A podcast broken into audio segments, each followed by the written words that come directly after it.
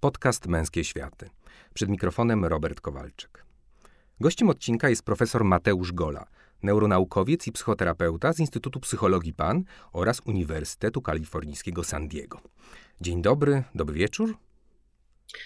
Dzień dobry, dobry wieczór Robercie, dzień dobry, dobry wieczór Państwu. Dzisiaj nadajemy prosto z San Diego, tak? E, tak, w San Diego jest właśnie poranek, a w Polsce jest wieczór, więc e, dzień dobry i dobry wieczór jak najbardziej pasuje. Tak prosto z mostu. Mateusz, powiedz mi, bo e, zajmujesz się, zajmujesz się studiami nad uzależnieniami, też, też dużo badań poświęciłeś pornografii. Stąd moje pytanie. Czy pornografia rzeczywiście jest narastającym problemem, jak to widzisz, e, takim drenem seksualności, czy bardziej dyżurnym wyjaśnieniem niepowodzeń w adaptacji do zmian współczesnych mężczyzn?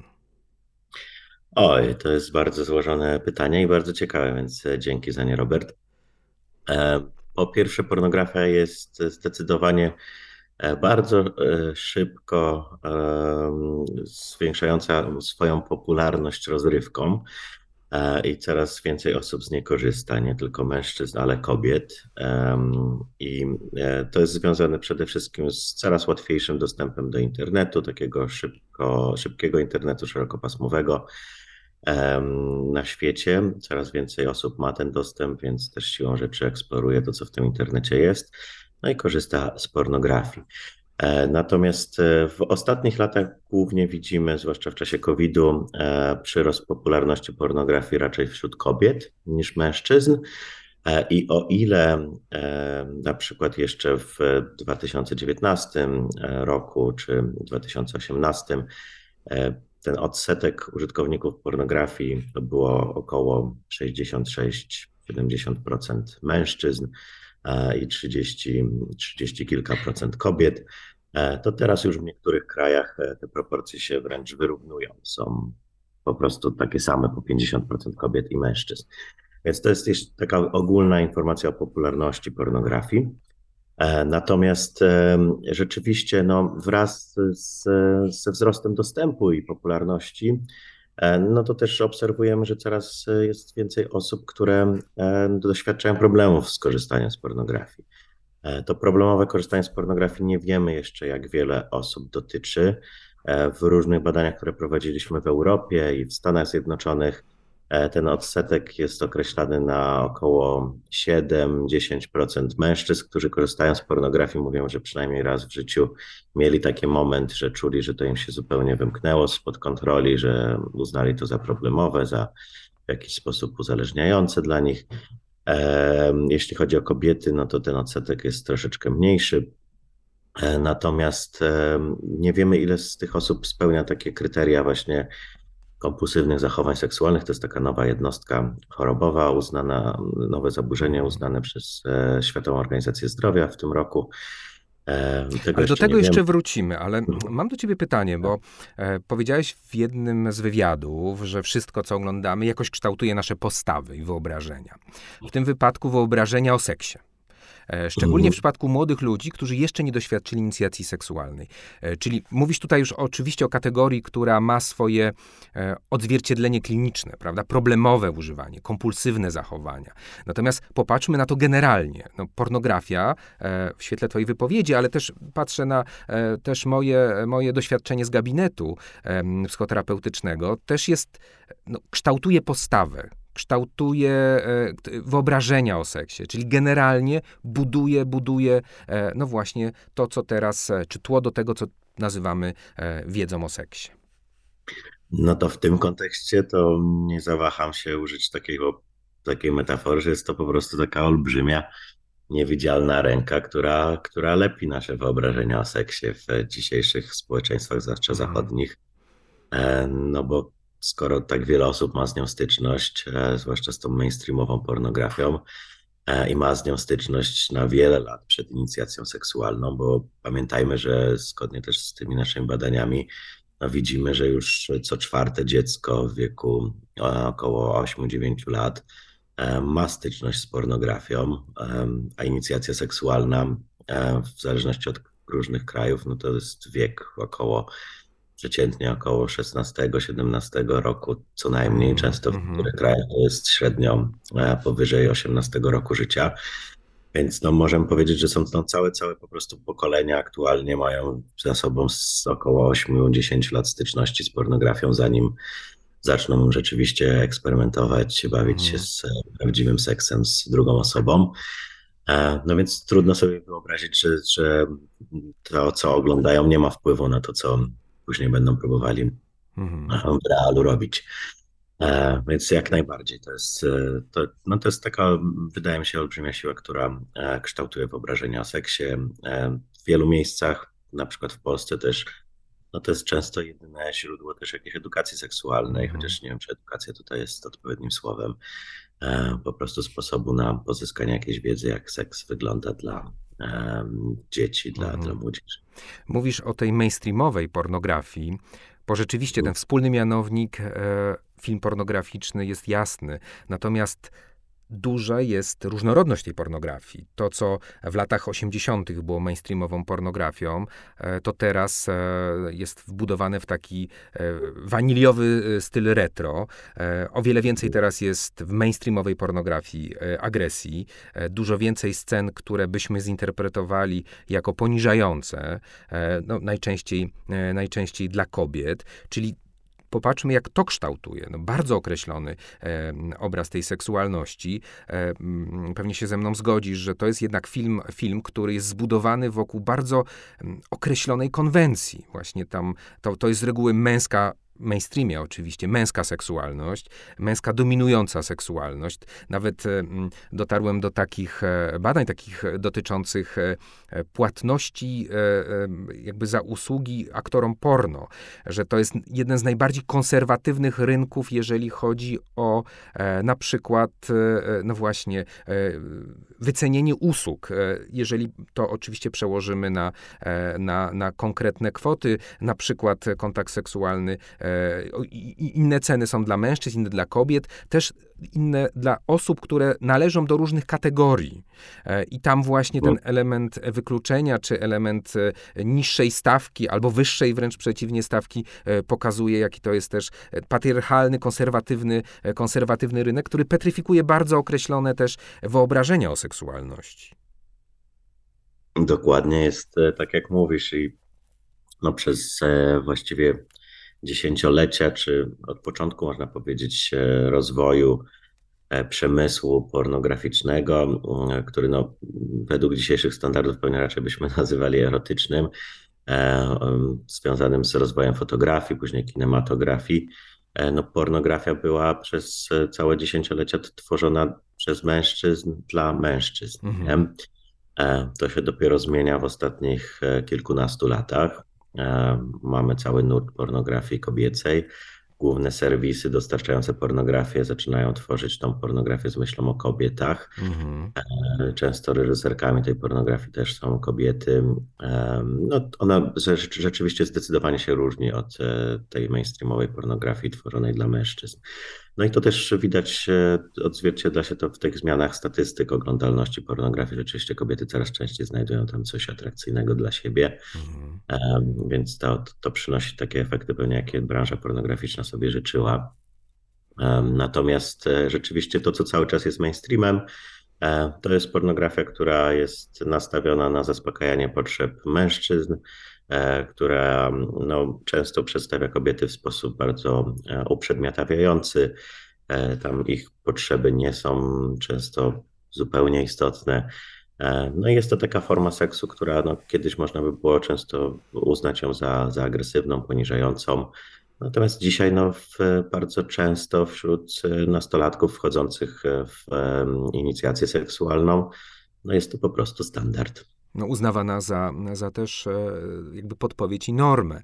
E, I tak. jeżeli, e, tak jak powiedziałeś, mamy osobę, która kontakt, e, inicjację do pornografii ma w wieku 8-11 lat, to wiele lat doświadczenia bardzo powtarzalnych obrazów. No siłą rzeczy będzie kształtować też wyobrażenia o seksualności. I to wejście w tą realną seksualność może się okazać pewnym wyzwaniem. No właśnie, liczne badania pokazują, że osoby, które mm, łączą masturbację z pornografią, szczególnie no, chodzi o, o typ tej, no, o, o nawyk masturbacyjny, on jest nie do odtworzenia e, później w relacji, e, w realnej relacji. E, mówię tutaj o takim zjawisku, który, który łączy właśnie to, na przykład z dysfunkcjami seksualnymi, jakim są zaburzenia erekcji czy zaburzenia wytrysku, poprzez właśnie pewien schemat, który jest nie do powtórzenia, czy w pewnym, na pierwszych etapach jest nie do powtórzenia, no i tworzy też może dodatkową, dodatkową presję czy, czy stres, który może z powrotem pchnąć do bezpiecznego świata pornografii. E, tak, i tutaj e, to jest w ogóle bardzo ciekawy wątek, e, Robert, który poruszyłeś. Może rozbiję tam odpowiedź tutaj na, na, na, na te dwie części. Pierwsza rzecz, rzeczywiście, jeśli patrzymy na nastolatków, badacze z Australii na przykład robili takie ciekawe badania jakościowe, gdzie po prostu przeprowadzali wywiady z osobami, które wchodzą e, w okres inicjacji seksualnej, mają za sobą już pierwsze doświadczenia seksualne. E, no i też kontrolowali tam, e, ile pornografii ktoś oglądał wcześniej, przed tym kontaktem. I tutaj widać było, że no, wśród osób, które miały dużo styczności z pornografią przed inicjacją seksualną, dochodziło czasami do takich rzeczy, które te badania były prowadzone już 4-5 lat temu, więc to wtedy było trochę szokujące. Dzisiaj mniej, no bo coraz częściej widzimy podobne efekty. Natomiast właśnie dochodziło do takich zjawisk, gdzie ktoś na przykład negocjował, chłopak negocjował z dziewczyną, e, że okej, okay, dziewczyna chciała się całować i przytulać więcej. On mówi, no dobra, możemy się więcej całować i przytulać, no ale jeśli będziemy mieli częściej seks analny, nie? E, jeśli spojrzymy sobie na e, mainstreamowe porno kierowane do mężczyzn, no to właściwie można powiedzieć, że nie ma się czemu dziwić, no bo seks analny czy seks e, oralny z, na przykład z, zakończony wytryskiem na, na piersiach czy w, w buzi, no to jest właściwie częstszym, częstszą sceną niż, niż przytulanie się i całowanie. Nie? E, w tych, w tych filmach, więc tak to wygląda. Mhm, e, to jest, tak. Mhm. Czyli budowanie pewnego, pewnego też oczekiwania względem tej seksualności. Ciekawe są badania, które pokazują właśnie, jak mówisz, o e, wpływie na obie płcie, na przykład oczekiwanie wokalizacji orgazmu przez, przez mężczyzn, prawda, że kobiety będą w czasie orgazmu krzyczały, bo w filmach jest to podkreślenie, no bo najczęściej filmy operują e, dźwiękiem i obrazem, podkreślenie przeżycia orgazmu. E, dokładnie tak, e, więc no, są też takie oczekiwania. No, tych oczekiwań jest bardzo dużo. Mnóstwo oczekiwań wiąże się z wyglądem partnerki, z jej zachowaniem, ale też wśród mężczyzn widzimy taką korelację że im więcej ktoś korzysta z pornografii, tym ma też więcej oczekiwań wobec e, swojego takiego performance'u seksualnego, mhm. E, tego jak po prostu będzie wypadał podczas seksu i jak ma wyglądać. I to też powoduje e, bardzo dużo różnego rodzaju lęków i niepokojów, zwłaszcza u osób, które jeszcze nie przeżyły inicjacji seksualnej, mhm. które mają to przed sobą, które dopiero zaczynają przygodę z takim realnym seksem. E, no i tutaj wracamy do tej drugiej części e, Twojego poprzedniego pytania.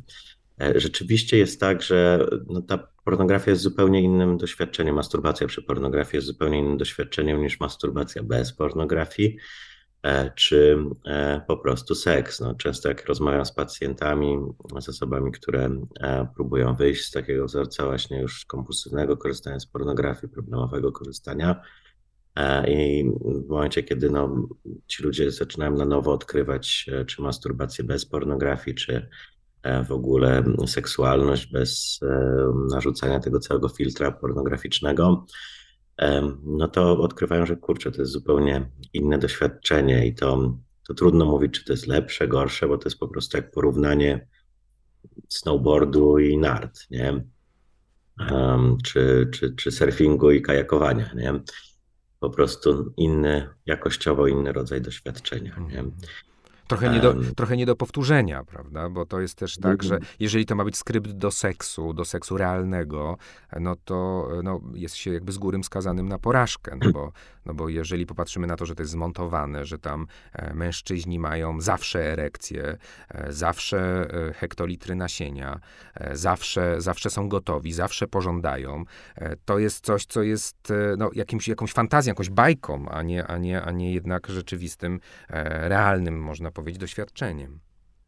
No tak, no to, to jest bajka dla dorosłych. No i to nie jest do powtórzenia w, w rzeczywistości, przynajmniej nie w sposób ciągły i powtarzalny. Mogą się zdarzyć oczywiście jakieś pojedyncze doświadczenia, które rzeczywiście będą wyglądały podobnie, ale, ale tak na stałe, no to rzeczywiście to jest, to jest mało realne oczekiwanie. Jeśli ktoś oczekuje, że, że seks będzie wyglądał tak jak tak jak film porno, tak i te długości tych stosunków są zupełnie inne i forma seksu. No ale też e, to jest jedna rzecz. Druga rzecz jest taka, że doświadczenie samej masturbacji podczas oglądania pornografii jest tak nasycone stymulacją wizualną mhm. i jest tak bardzo oderwane od e, własnych przeżyć, e, takich właśnie sensorycznych, związanych z dotykiem, e, z dźwiękiem, z zapachem innej osoby, z ruchem, z aktywnością i tak dalej, że po prostu to nie przypomina e, zupełnie seksu. No, podczas e, stosunku seksualnego nie jesteśmy w stanie widzieć tych wszystkich zbliżeń z perspektyw różnych po prostu tej partnerki. Nasze pole widzenia jest, jest bardzo zawężone wtedy. Nie? I tutaj też pojawia się inny ciekawy wątek. E, nie wiem, jakie ty masz doświadczenie e, z gabinetu, natomiast e, u mnie część pacjentów powiedziała, że, że jakby to przejście pomiędzy tym światem wirtualnym a tym realnym powoduje, że w tym świecie realnym, kiedy rzeczywiście podejmują kontakt seksualny ze swoją partnerką, czy, czy podejmują kontakt seksualny, okazuje się, że ta druga osoba zaczyna przeszkadzać że ten nadmiar tych bodźców, tego bodźca, e, bo, bo oczywiście wzrokowy, słuchowy, ale ten smakowy, dotykowy, jest tak nowym bodźcem, że rozprasza i wybija e, właśnie z tego rytmu e, seksualnego. No tak, tak. Część osób ma, część osób, z którymi pracowałem, ma takie doświadczenie właśnie, że partner czy partnerka e, w jakiś sposób utrudnia e, dojście do orgazmu. Mhm. No i tutaj bardzo często po prostu takim rozwiązaniem dla nich było przez e, wiele lat czy miesięcy e, no po prostu zamykanie oczu, wyobrażanie sobie tych scen mhm. z filmów pornograficznych, odtwarzanie po prostu tej, tej rolki z pamięci e, po to, żeby ten orgazm móc osiągnąć. No, czyli to też powoduje taką no, nieobecność w tym, co się dzieje mhm. tutaj i teraz. Nie? Natomiast też samo doświadczenie masturbacji bez pornografii dla e, wielu z tych osób jest e, nudne, e, jest nie dość stymulujące, no po prostu nie daje satysfakcji. Mhm. Trudno jest im też o taki kontakt z samym sobą po prostu, mhm. o poczucie właśnie tego, jak to się czuje, właśnie dotyk swojego ciała, miejsc intymnych, nieintymnych, właśnie jak to jest też być samym sobą, bez, bez e, tej silnej stymulacji wizualnej. No jeszcze ten wątek sportowy, bo, bo rozumiem, że też ta podpowiedź, ten idealny seks, e, to taka analogia, e, którą ja bardzo lubię do sportu, że dalej, wyżej, mocniej. I to jest taka, mam poczucie często taka nadrzędna, tak, wręcz taki imperatyw do seksu, że, że, że no, we wszystkich gazetach, programach, jak ulepszyć swój seks, jak poprawić swój seks. No a tu jest, tu jest ten emblematyczny, idealny, e, pornograficzny e, seks, tak jak powiedziałeś wcześniej, nie do osiągnięcia. Ale ja bym chciał wrócić do innego pytania, e, bo mm, przygotowałem sobie takie pytanie, które wydaje się też no, w tym względzie praktyczne. Jak bezpiecznie używać porno? Czy w ogóle można bezpiecznie używać porno? Czy, czy to jest się skazanym właśnie na, na, na właśnie to, co wspomniałem na początku, na drenowanie tej seksualności i, i pozbawianie się poszczególnych jej, nie wiem, smaków? Intuicyjnie, no to chyba tak wiemy jako społeczeństwo, co zrobić, żeby bezpiecznie korzystać z pornografii. No pierwszym z takich zaleceń jest to, żeby korzystać po 18 roku życia, nie? -hmm. tylko że to nie jest masowo stosowane, no bo wtedy po prostu jest olbrzymia szansa na to, że już ktoś wcześniej doświadczy wielu różnych masturbacji bez pornografii, być może będzie miał za sobą właśnie inne doświadczenia seksualne, już partnerskie, inicjacje bez pornografii. E, natomiast no dzisiaj to jest po prostu mrzonka. No, nikt nie, mm. nie sięga po pornografię po ukończeniu 18 roku życia. Mm. Tak poważnie mówię, w badaniach nie jesteśmy w stanie dzisiaj znaleźć, a zbadaliśmy no, kilkaset tysięcy osób na świecie a, i w tych kulturach zachodnich e, nie jesteśmy w stanie e, znaleźć chłopaków, mężczyzn, którzy z tej pornografii nie korzystali przed osiemnastką. Mhm. W przypadku kobiet czasami się zdarzają jakieś e, kobiety, które, które nie miały styczności w ogóle, ale to, to też już jest coraz rzadsze. Mhm. E, no więc e, co zrobić w tych realiach, które teraz rzeczywiście mają miejsce, czyli z taką ogólną dostępnością do pornografii? Wydaje mi się, że warto po prostu zastanowić zawsze się y, i zrobić sobie taki jeden czy dwa kroki wstecz i spojrzeć trochę z perspektywy na swój wzorzec korzystania z pornografii. E, po pierwsze, czy korzystam z pornografii e, po to, żeby realizować potrzeby seksualne, czy z innych e, różnych powodów. Nie? Mhm. Jeśli to służy realizacji potrzeb seksualnych, no to tutaj ryzyko że przerodzi się to w jakieś kompulsywne korzystanie, jest zawsze mniejsze niż w przypadku, kiedy to jest korzystanie kompulsywne w celu radzenia sobie ze stresem, z samotnością, e, ze smutkiem, ze złością, z różnymi innymi emocjami. Mhm. To jest jedna rzecz. Druga rzecz, e, warto, ja zawsze też zachęcam osoby, żeby próbowały właśnie poeksperymentować E, z doświadczeniami seksualnymi bez pornografii, też żeby zobaczyły, ok, czy masturbacja bez pornografii dalej sprawia im przyjemność, e, czy są w stanie ją na nowo odkryć, czy są w stanie też doświadczyć jej w sposób nie taki byle jaki, po prostu, że to jest gdzieś w pośpiechu przy komputerze, właśnie szukanie jakichś coraz silniejszych bodźców i tak dalej. Też warto rzeczywiście zobaczyć, jak te moje wzorce korzystania z pornografii ewoluują. Czy to jest cały czas coś podobnego, czy ja już przeszedłem po prostu przez całą kaskadę różnych e, coraz mocniejszych treści i za każdym razem tylko czekam, aż tam algorytm na stronie mi podsunie coś, co, czego jeszcze nie widziałem, mhm. coś nowego, coś bardziej stymulującego. No jeśli ten progres jest duży i widoczny, no to też warto na chwilę sobie zrobić ten krok wstecz. Mhm. E, no i też takie bezpieczne korzystanie z pornografii to jest takie korzystanie, gdzie trochę tak, nie wiem, warto na to spojrzeć jak na słodycze, nie?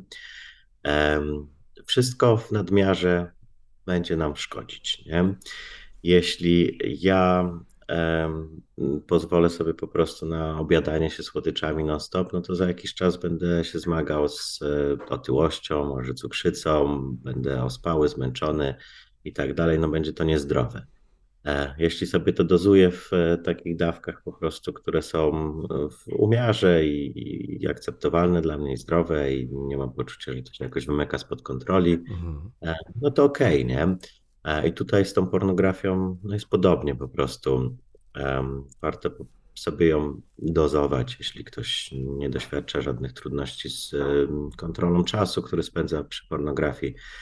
Jeśli to jest po prostu dla niego rzeczywiście przyjemne, fajne, no to warto też zachować w tym umiar i sobie no, postawić samemu jakieś granice, ile razy w tygodniu chcę z niej korzystać, ile razy chcę mieć doświadczenie seksualne bez niej. E, też, żeby trochę różnorodności wprowadzić. Mhm. E, mam w takim razie pytanie, bo e, część moich pacjentów podejmuje decyzję abstynencji.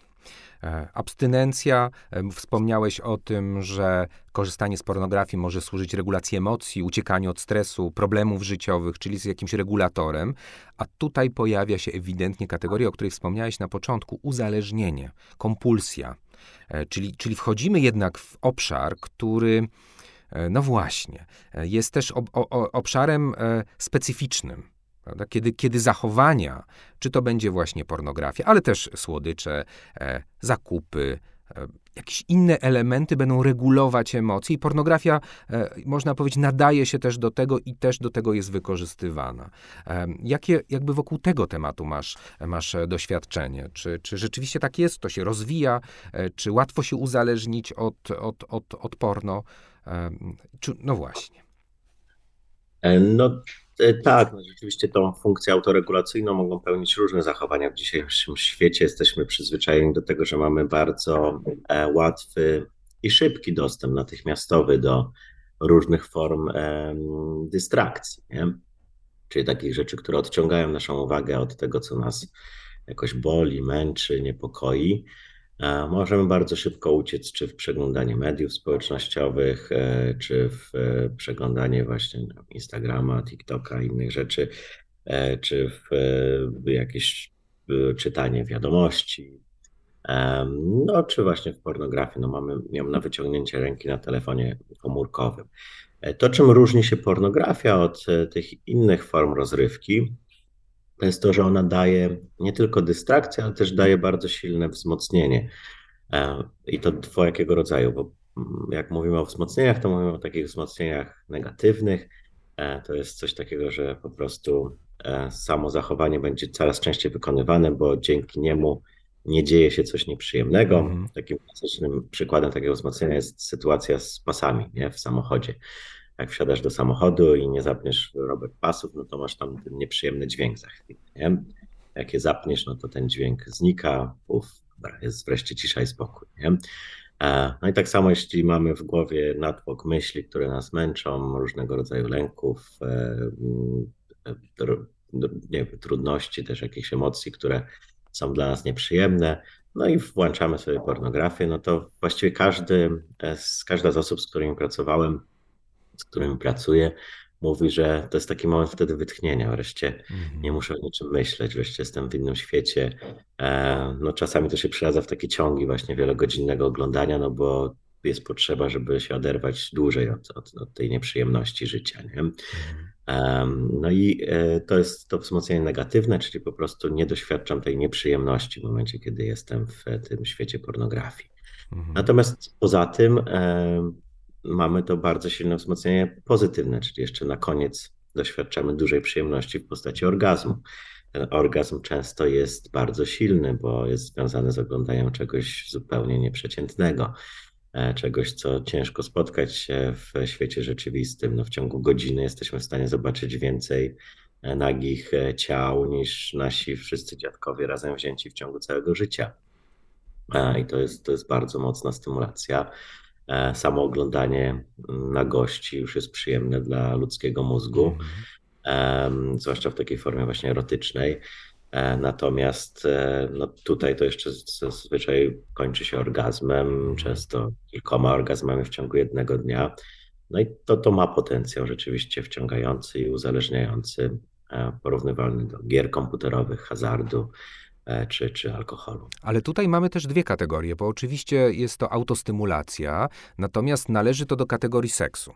E, I właśnie pytanie moje, e, w sumie pytanie, które też jako naukowcy zadawaliśmy sobie przez 30 lat. Wspomniałeś, że teraz kompulsywne zachowania seksualne pojawiły się w kategorii klasyfikacyjnej. To dla nas jest taka legitymacja, e, takie ostateczne podkreślenie określonej kategorii. Natomiast już e, pod koniec lat 80. Kearns e, próbował wprowadzić kategorię uzależnienia od seksu.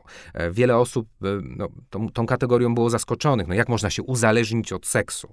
Od czegoś, co, co, co, co, co jest naturalne, typowe, a tu jednak pojawia się kategoria ewidentnie e, psychopatologiczna. No 30 lat, e, można powiedzieć, czekaliśmy na, na badania, które jednak potwierdziły, że rzeczywiście blisko jesteśmy, e, blisko jesteśmy właśnie połączenia tych dwóch elementów, czyli seksu i uzależnienia.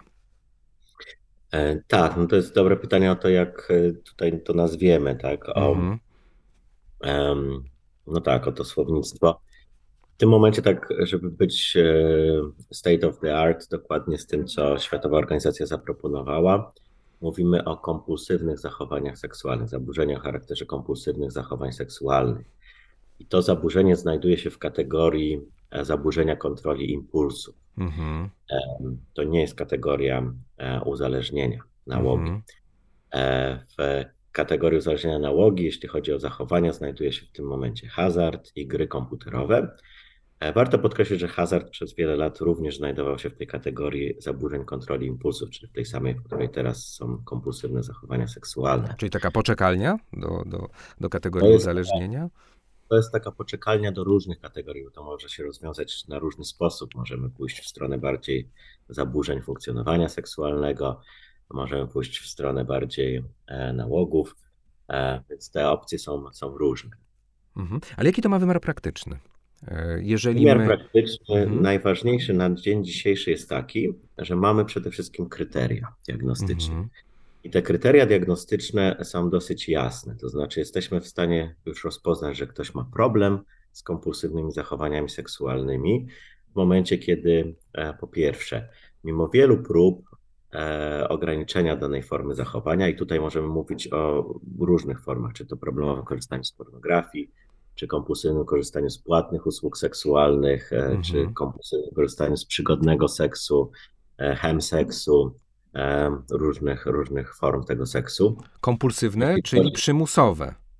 Czyli tak, że ja czuję, że już tego nie kontroluję. Mhm. Chciałbym dzisiaj obejrzeć sobie film, wrócić spokojnie do domu, E, ugotować sobie coś smacznego, spotkać się ze znajomymi, a znowu ląduję na godziny przed e, porno. Nie? -hmm. Wiesz, to e, przypomina, mi się, przypomina mi się film Wstyd z Fassbenderem. E, nie wiem, czy tak. na, na pewno e, w ten film obejrzałeś, prawda? Tam jest doskonałe tak. studium, studium mężczyzny, który, no właśnie, nie jest w stanie inaczej funkcjonować, a nawet w momencie, kiedy, to, to mi się wydawało bardzo interesujące w tym filmie, może trochę spoileruję, jak chciał związać się z kobietą, chciał z nią stworzyć relację i seks mu nie wychodził, pomimo tego, że miał ten mechaniczny seks, ten kompulsywny seks wszędzie. Mhm. Prawda, że to jest taka. Tak, to jest jedno z najlepszych w ogóle takich e, wielkoekranowych studiów e, kompulsywnych zachowań seksualnych, tego konkretnego problemu, o którym mm. tu mówimy. E, rzeczywiście ja ten film polecam każdemu. I to, co tam widzimy, no to, to jest dokładnie to, co pacjenci, z którymi pracuję, bardzo często doświadczają. E, trudność ze zbudowaniem bliskiej, intymnej relacji, w której można mieć fajny, satysfakcjonujący seks. Ten seks jest e, bardzo mechanistyczny, bardzo sportowy. E, bardzo często ważnym elementem tego seksu jest uprzedmiotowienie drugiej osoby, więc jest tam ta, no ten, ten brak relacji wręcz jest bardzo istotny często, nie?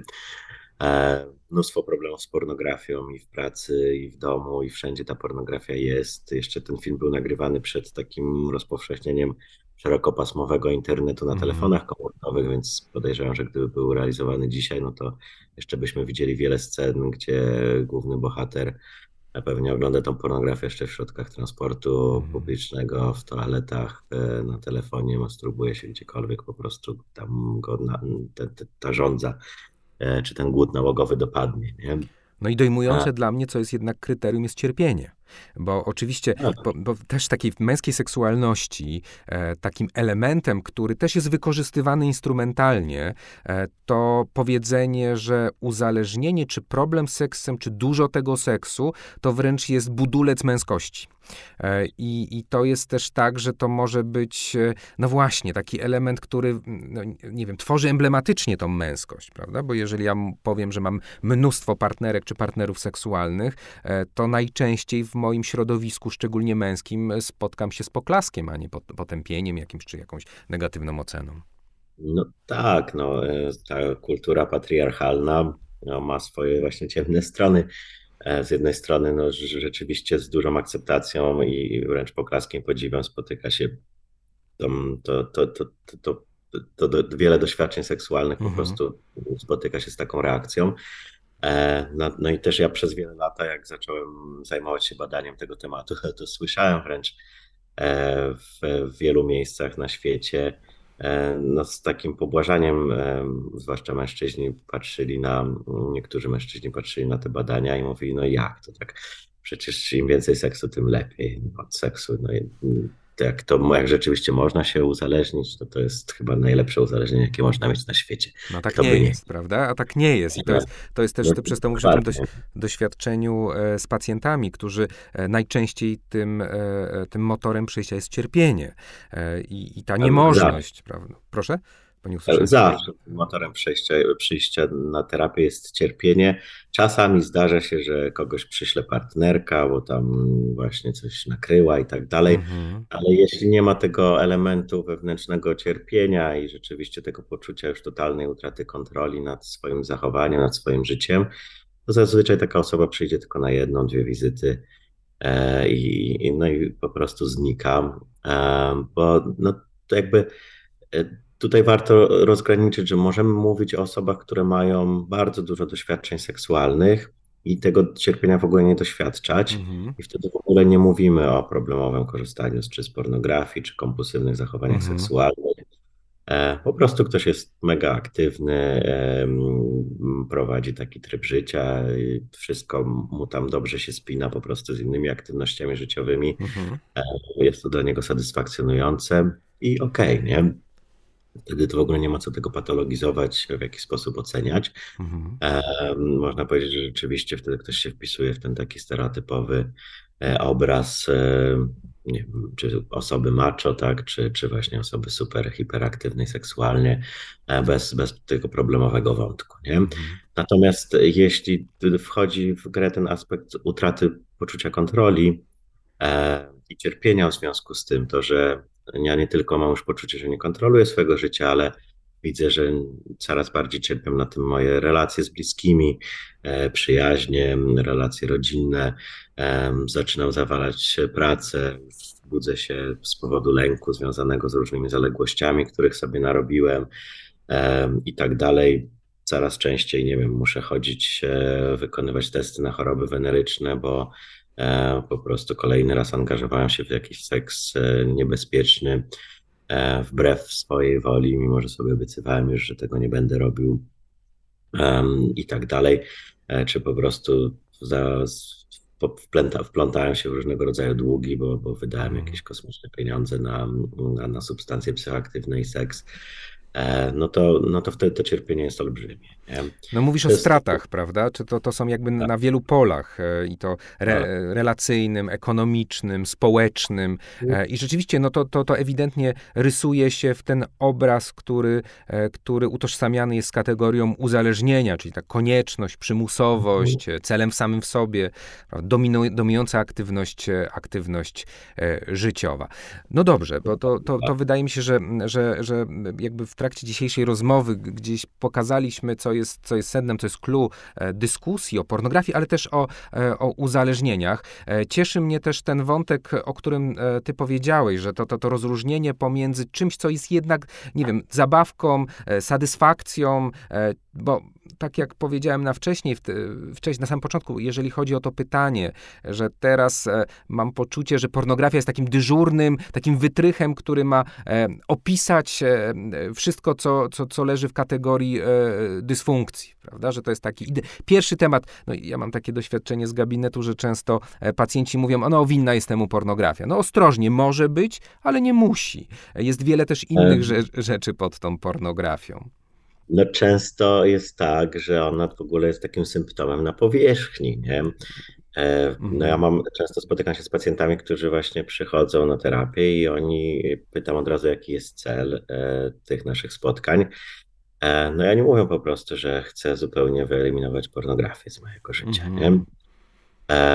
No i tak naprawdę tak od pierwszego dnia naszych spotkań to, to jest taki cel realistyczny dla nie wiem, może 25-30% e, osób, z którymi pracuję.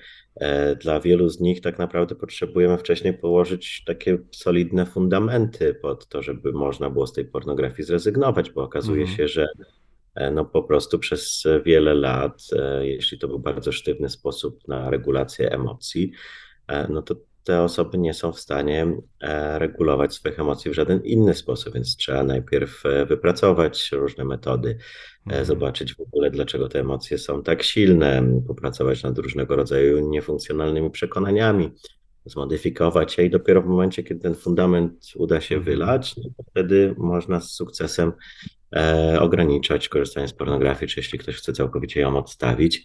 E, no to jest taki cel, który nie dla każdego jest w zasięgu e, ręki tak od razu, mhm. e, bo po prostu mamy pod spodem wiele różnych innych e, takich też fundamentalnych e, problemów, które sprawiają, że prędzej czy później ktoś po tą pornografię znowu sięgnie. Nie?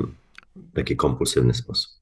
Też mam takie doświadczenie, to co ty mówisz, że to jest na wierzchu, że to jest ten element, który przykrył wiele, wiele innych, e, wiele innych e, problemów, e, zjawisk, które, z którymi dana osoba się zmagała. No, temat współczesny, temat ocean, I, mhm. i, I, naprawdę jestem e, pod dużym wrażeniem badań, które, e, które prowadzisz na świecie. No i właśnie te, tym ukoronowaniem jest, ja wiem, że twój udział był w, we wpisaniu tej kategorii kompulsywnego zachowań seksualnych do tej kategorii diagnostycznej, co dla nas, dla specjalistów ma ogromne, ogromne znaczenie. Bardzo dziękuję ci. Robert, jeszcze bym tylko właśnie wrócił do twojego wcześniejszego pytania, bo trochę wytłumaczyliśmy, co to daje pacjentom, to, że mamy tą, mhm. to, kryteria diagnostyczne. Natomiast no, cały czas jeszcze jest dużo pracy do włożenia po stronie terapeutycznej. Tak mm. naprawdę mamy kryteria diagnostyczne, wiemy kiedy rozpoznać, że jest to problem. E, natomiast pytanie jest teraz, co z tym zrobić, żeby efektywnie pomóc. Nie? E, I tutaj e, no, potrzebujemy właśnie też takiego dialogu i jak największej liczby obserwacji no i też różnego rodzaju badań dotyczących różnych form pomocy, żeby, żeby ustalić, które z nich są pomocne najbardziej dla danych podtypów mhm. e, pacjentów. E, wiemy już, że jeśli chodzi o to na przykład problemowe korzystanie z pornografii, to tam mamy kilka różnych grup osób, które mają bardziej różną charakterystykę właśnie trudności i problemów. No ale, no ale to twoje, twoje, jakby te badania, których między innymi ty prezentujesz, są taką podwaliną też do tej dyskusji, bo e, rozmawiamy A. oczywiście tu o, e, o psychoterapii, która, e, która jest nauką, prawda? I tutaj ta, mhm. oparte na, na, właśnie ta rzetelna podstawa przełoży się prawdopodobnie, no, mam taką nadzieję też na, na algorytmy postępowania i na, i na skuteczność, którą będziemy otrzymywać w, ga, tak. gabinecie. Tak. No, miejmy taką nadzieję, że to nastąpi jak najszybciej. E, no i też życzę e, wszystkim terapeutom, żeby e, no, jak najefektywniej mogli pomagać po prostu pacjentom. No a pacjentom życzę odwagi, żeby sięgać po tą pomoc w momencie, kiedy widzą u siebie taki problem. Bardzo dziękuję Ci za e, rozmowę. E, zapraszam też wszystkich do słuchania kolejnych podcastów na kanałach streamingowych. Moim gościem był dzisiaj profesor Mateusz Gola, neuronaukowiec i psychoterapeuta z Instytutu Psychologii PAN oraz Uniwersytetu Kalifornijskiego San Diego. Słuchali Państwo podcastu Męskie Światy, a prowadził go dla Państwa Robert Kowalczyk. Dziękuję. Dziękuję również.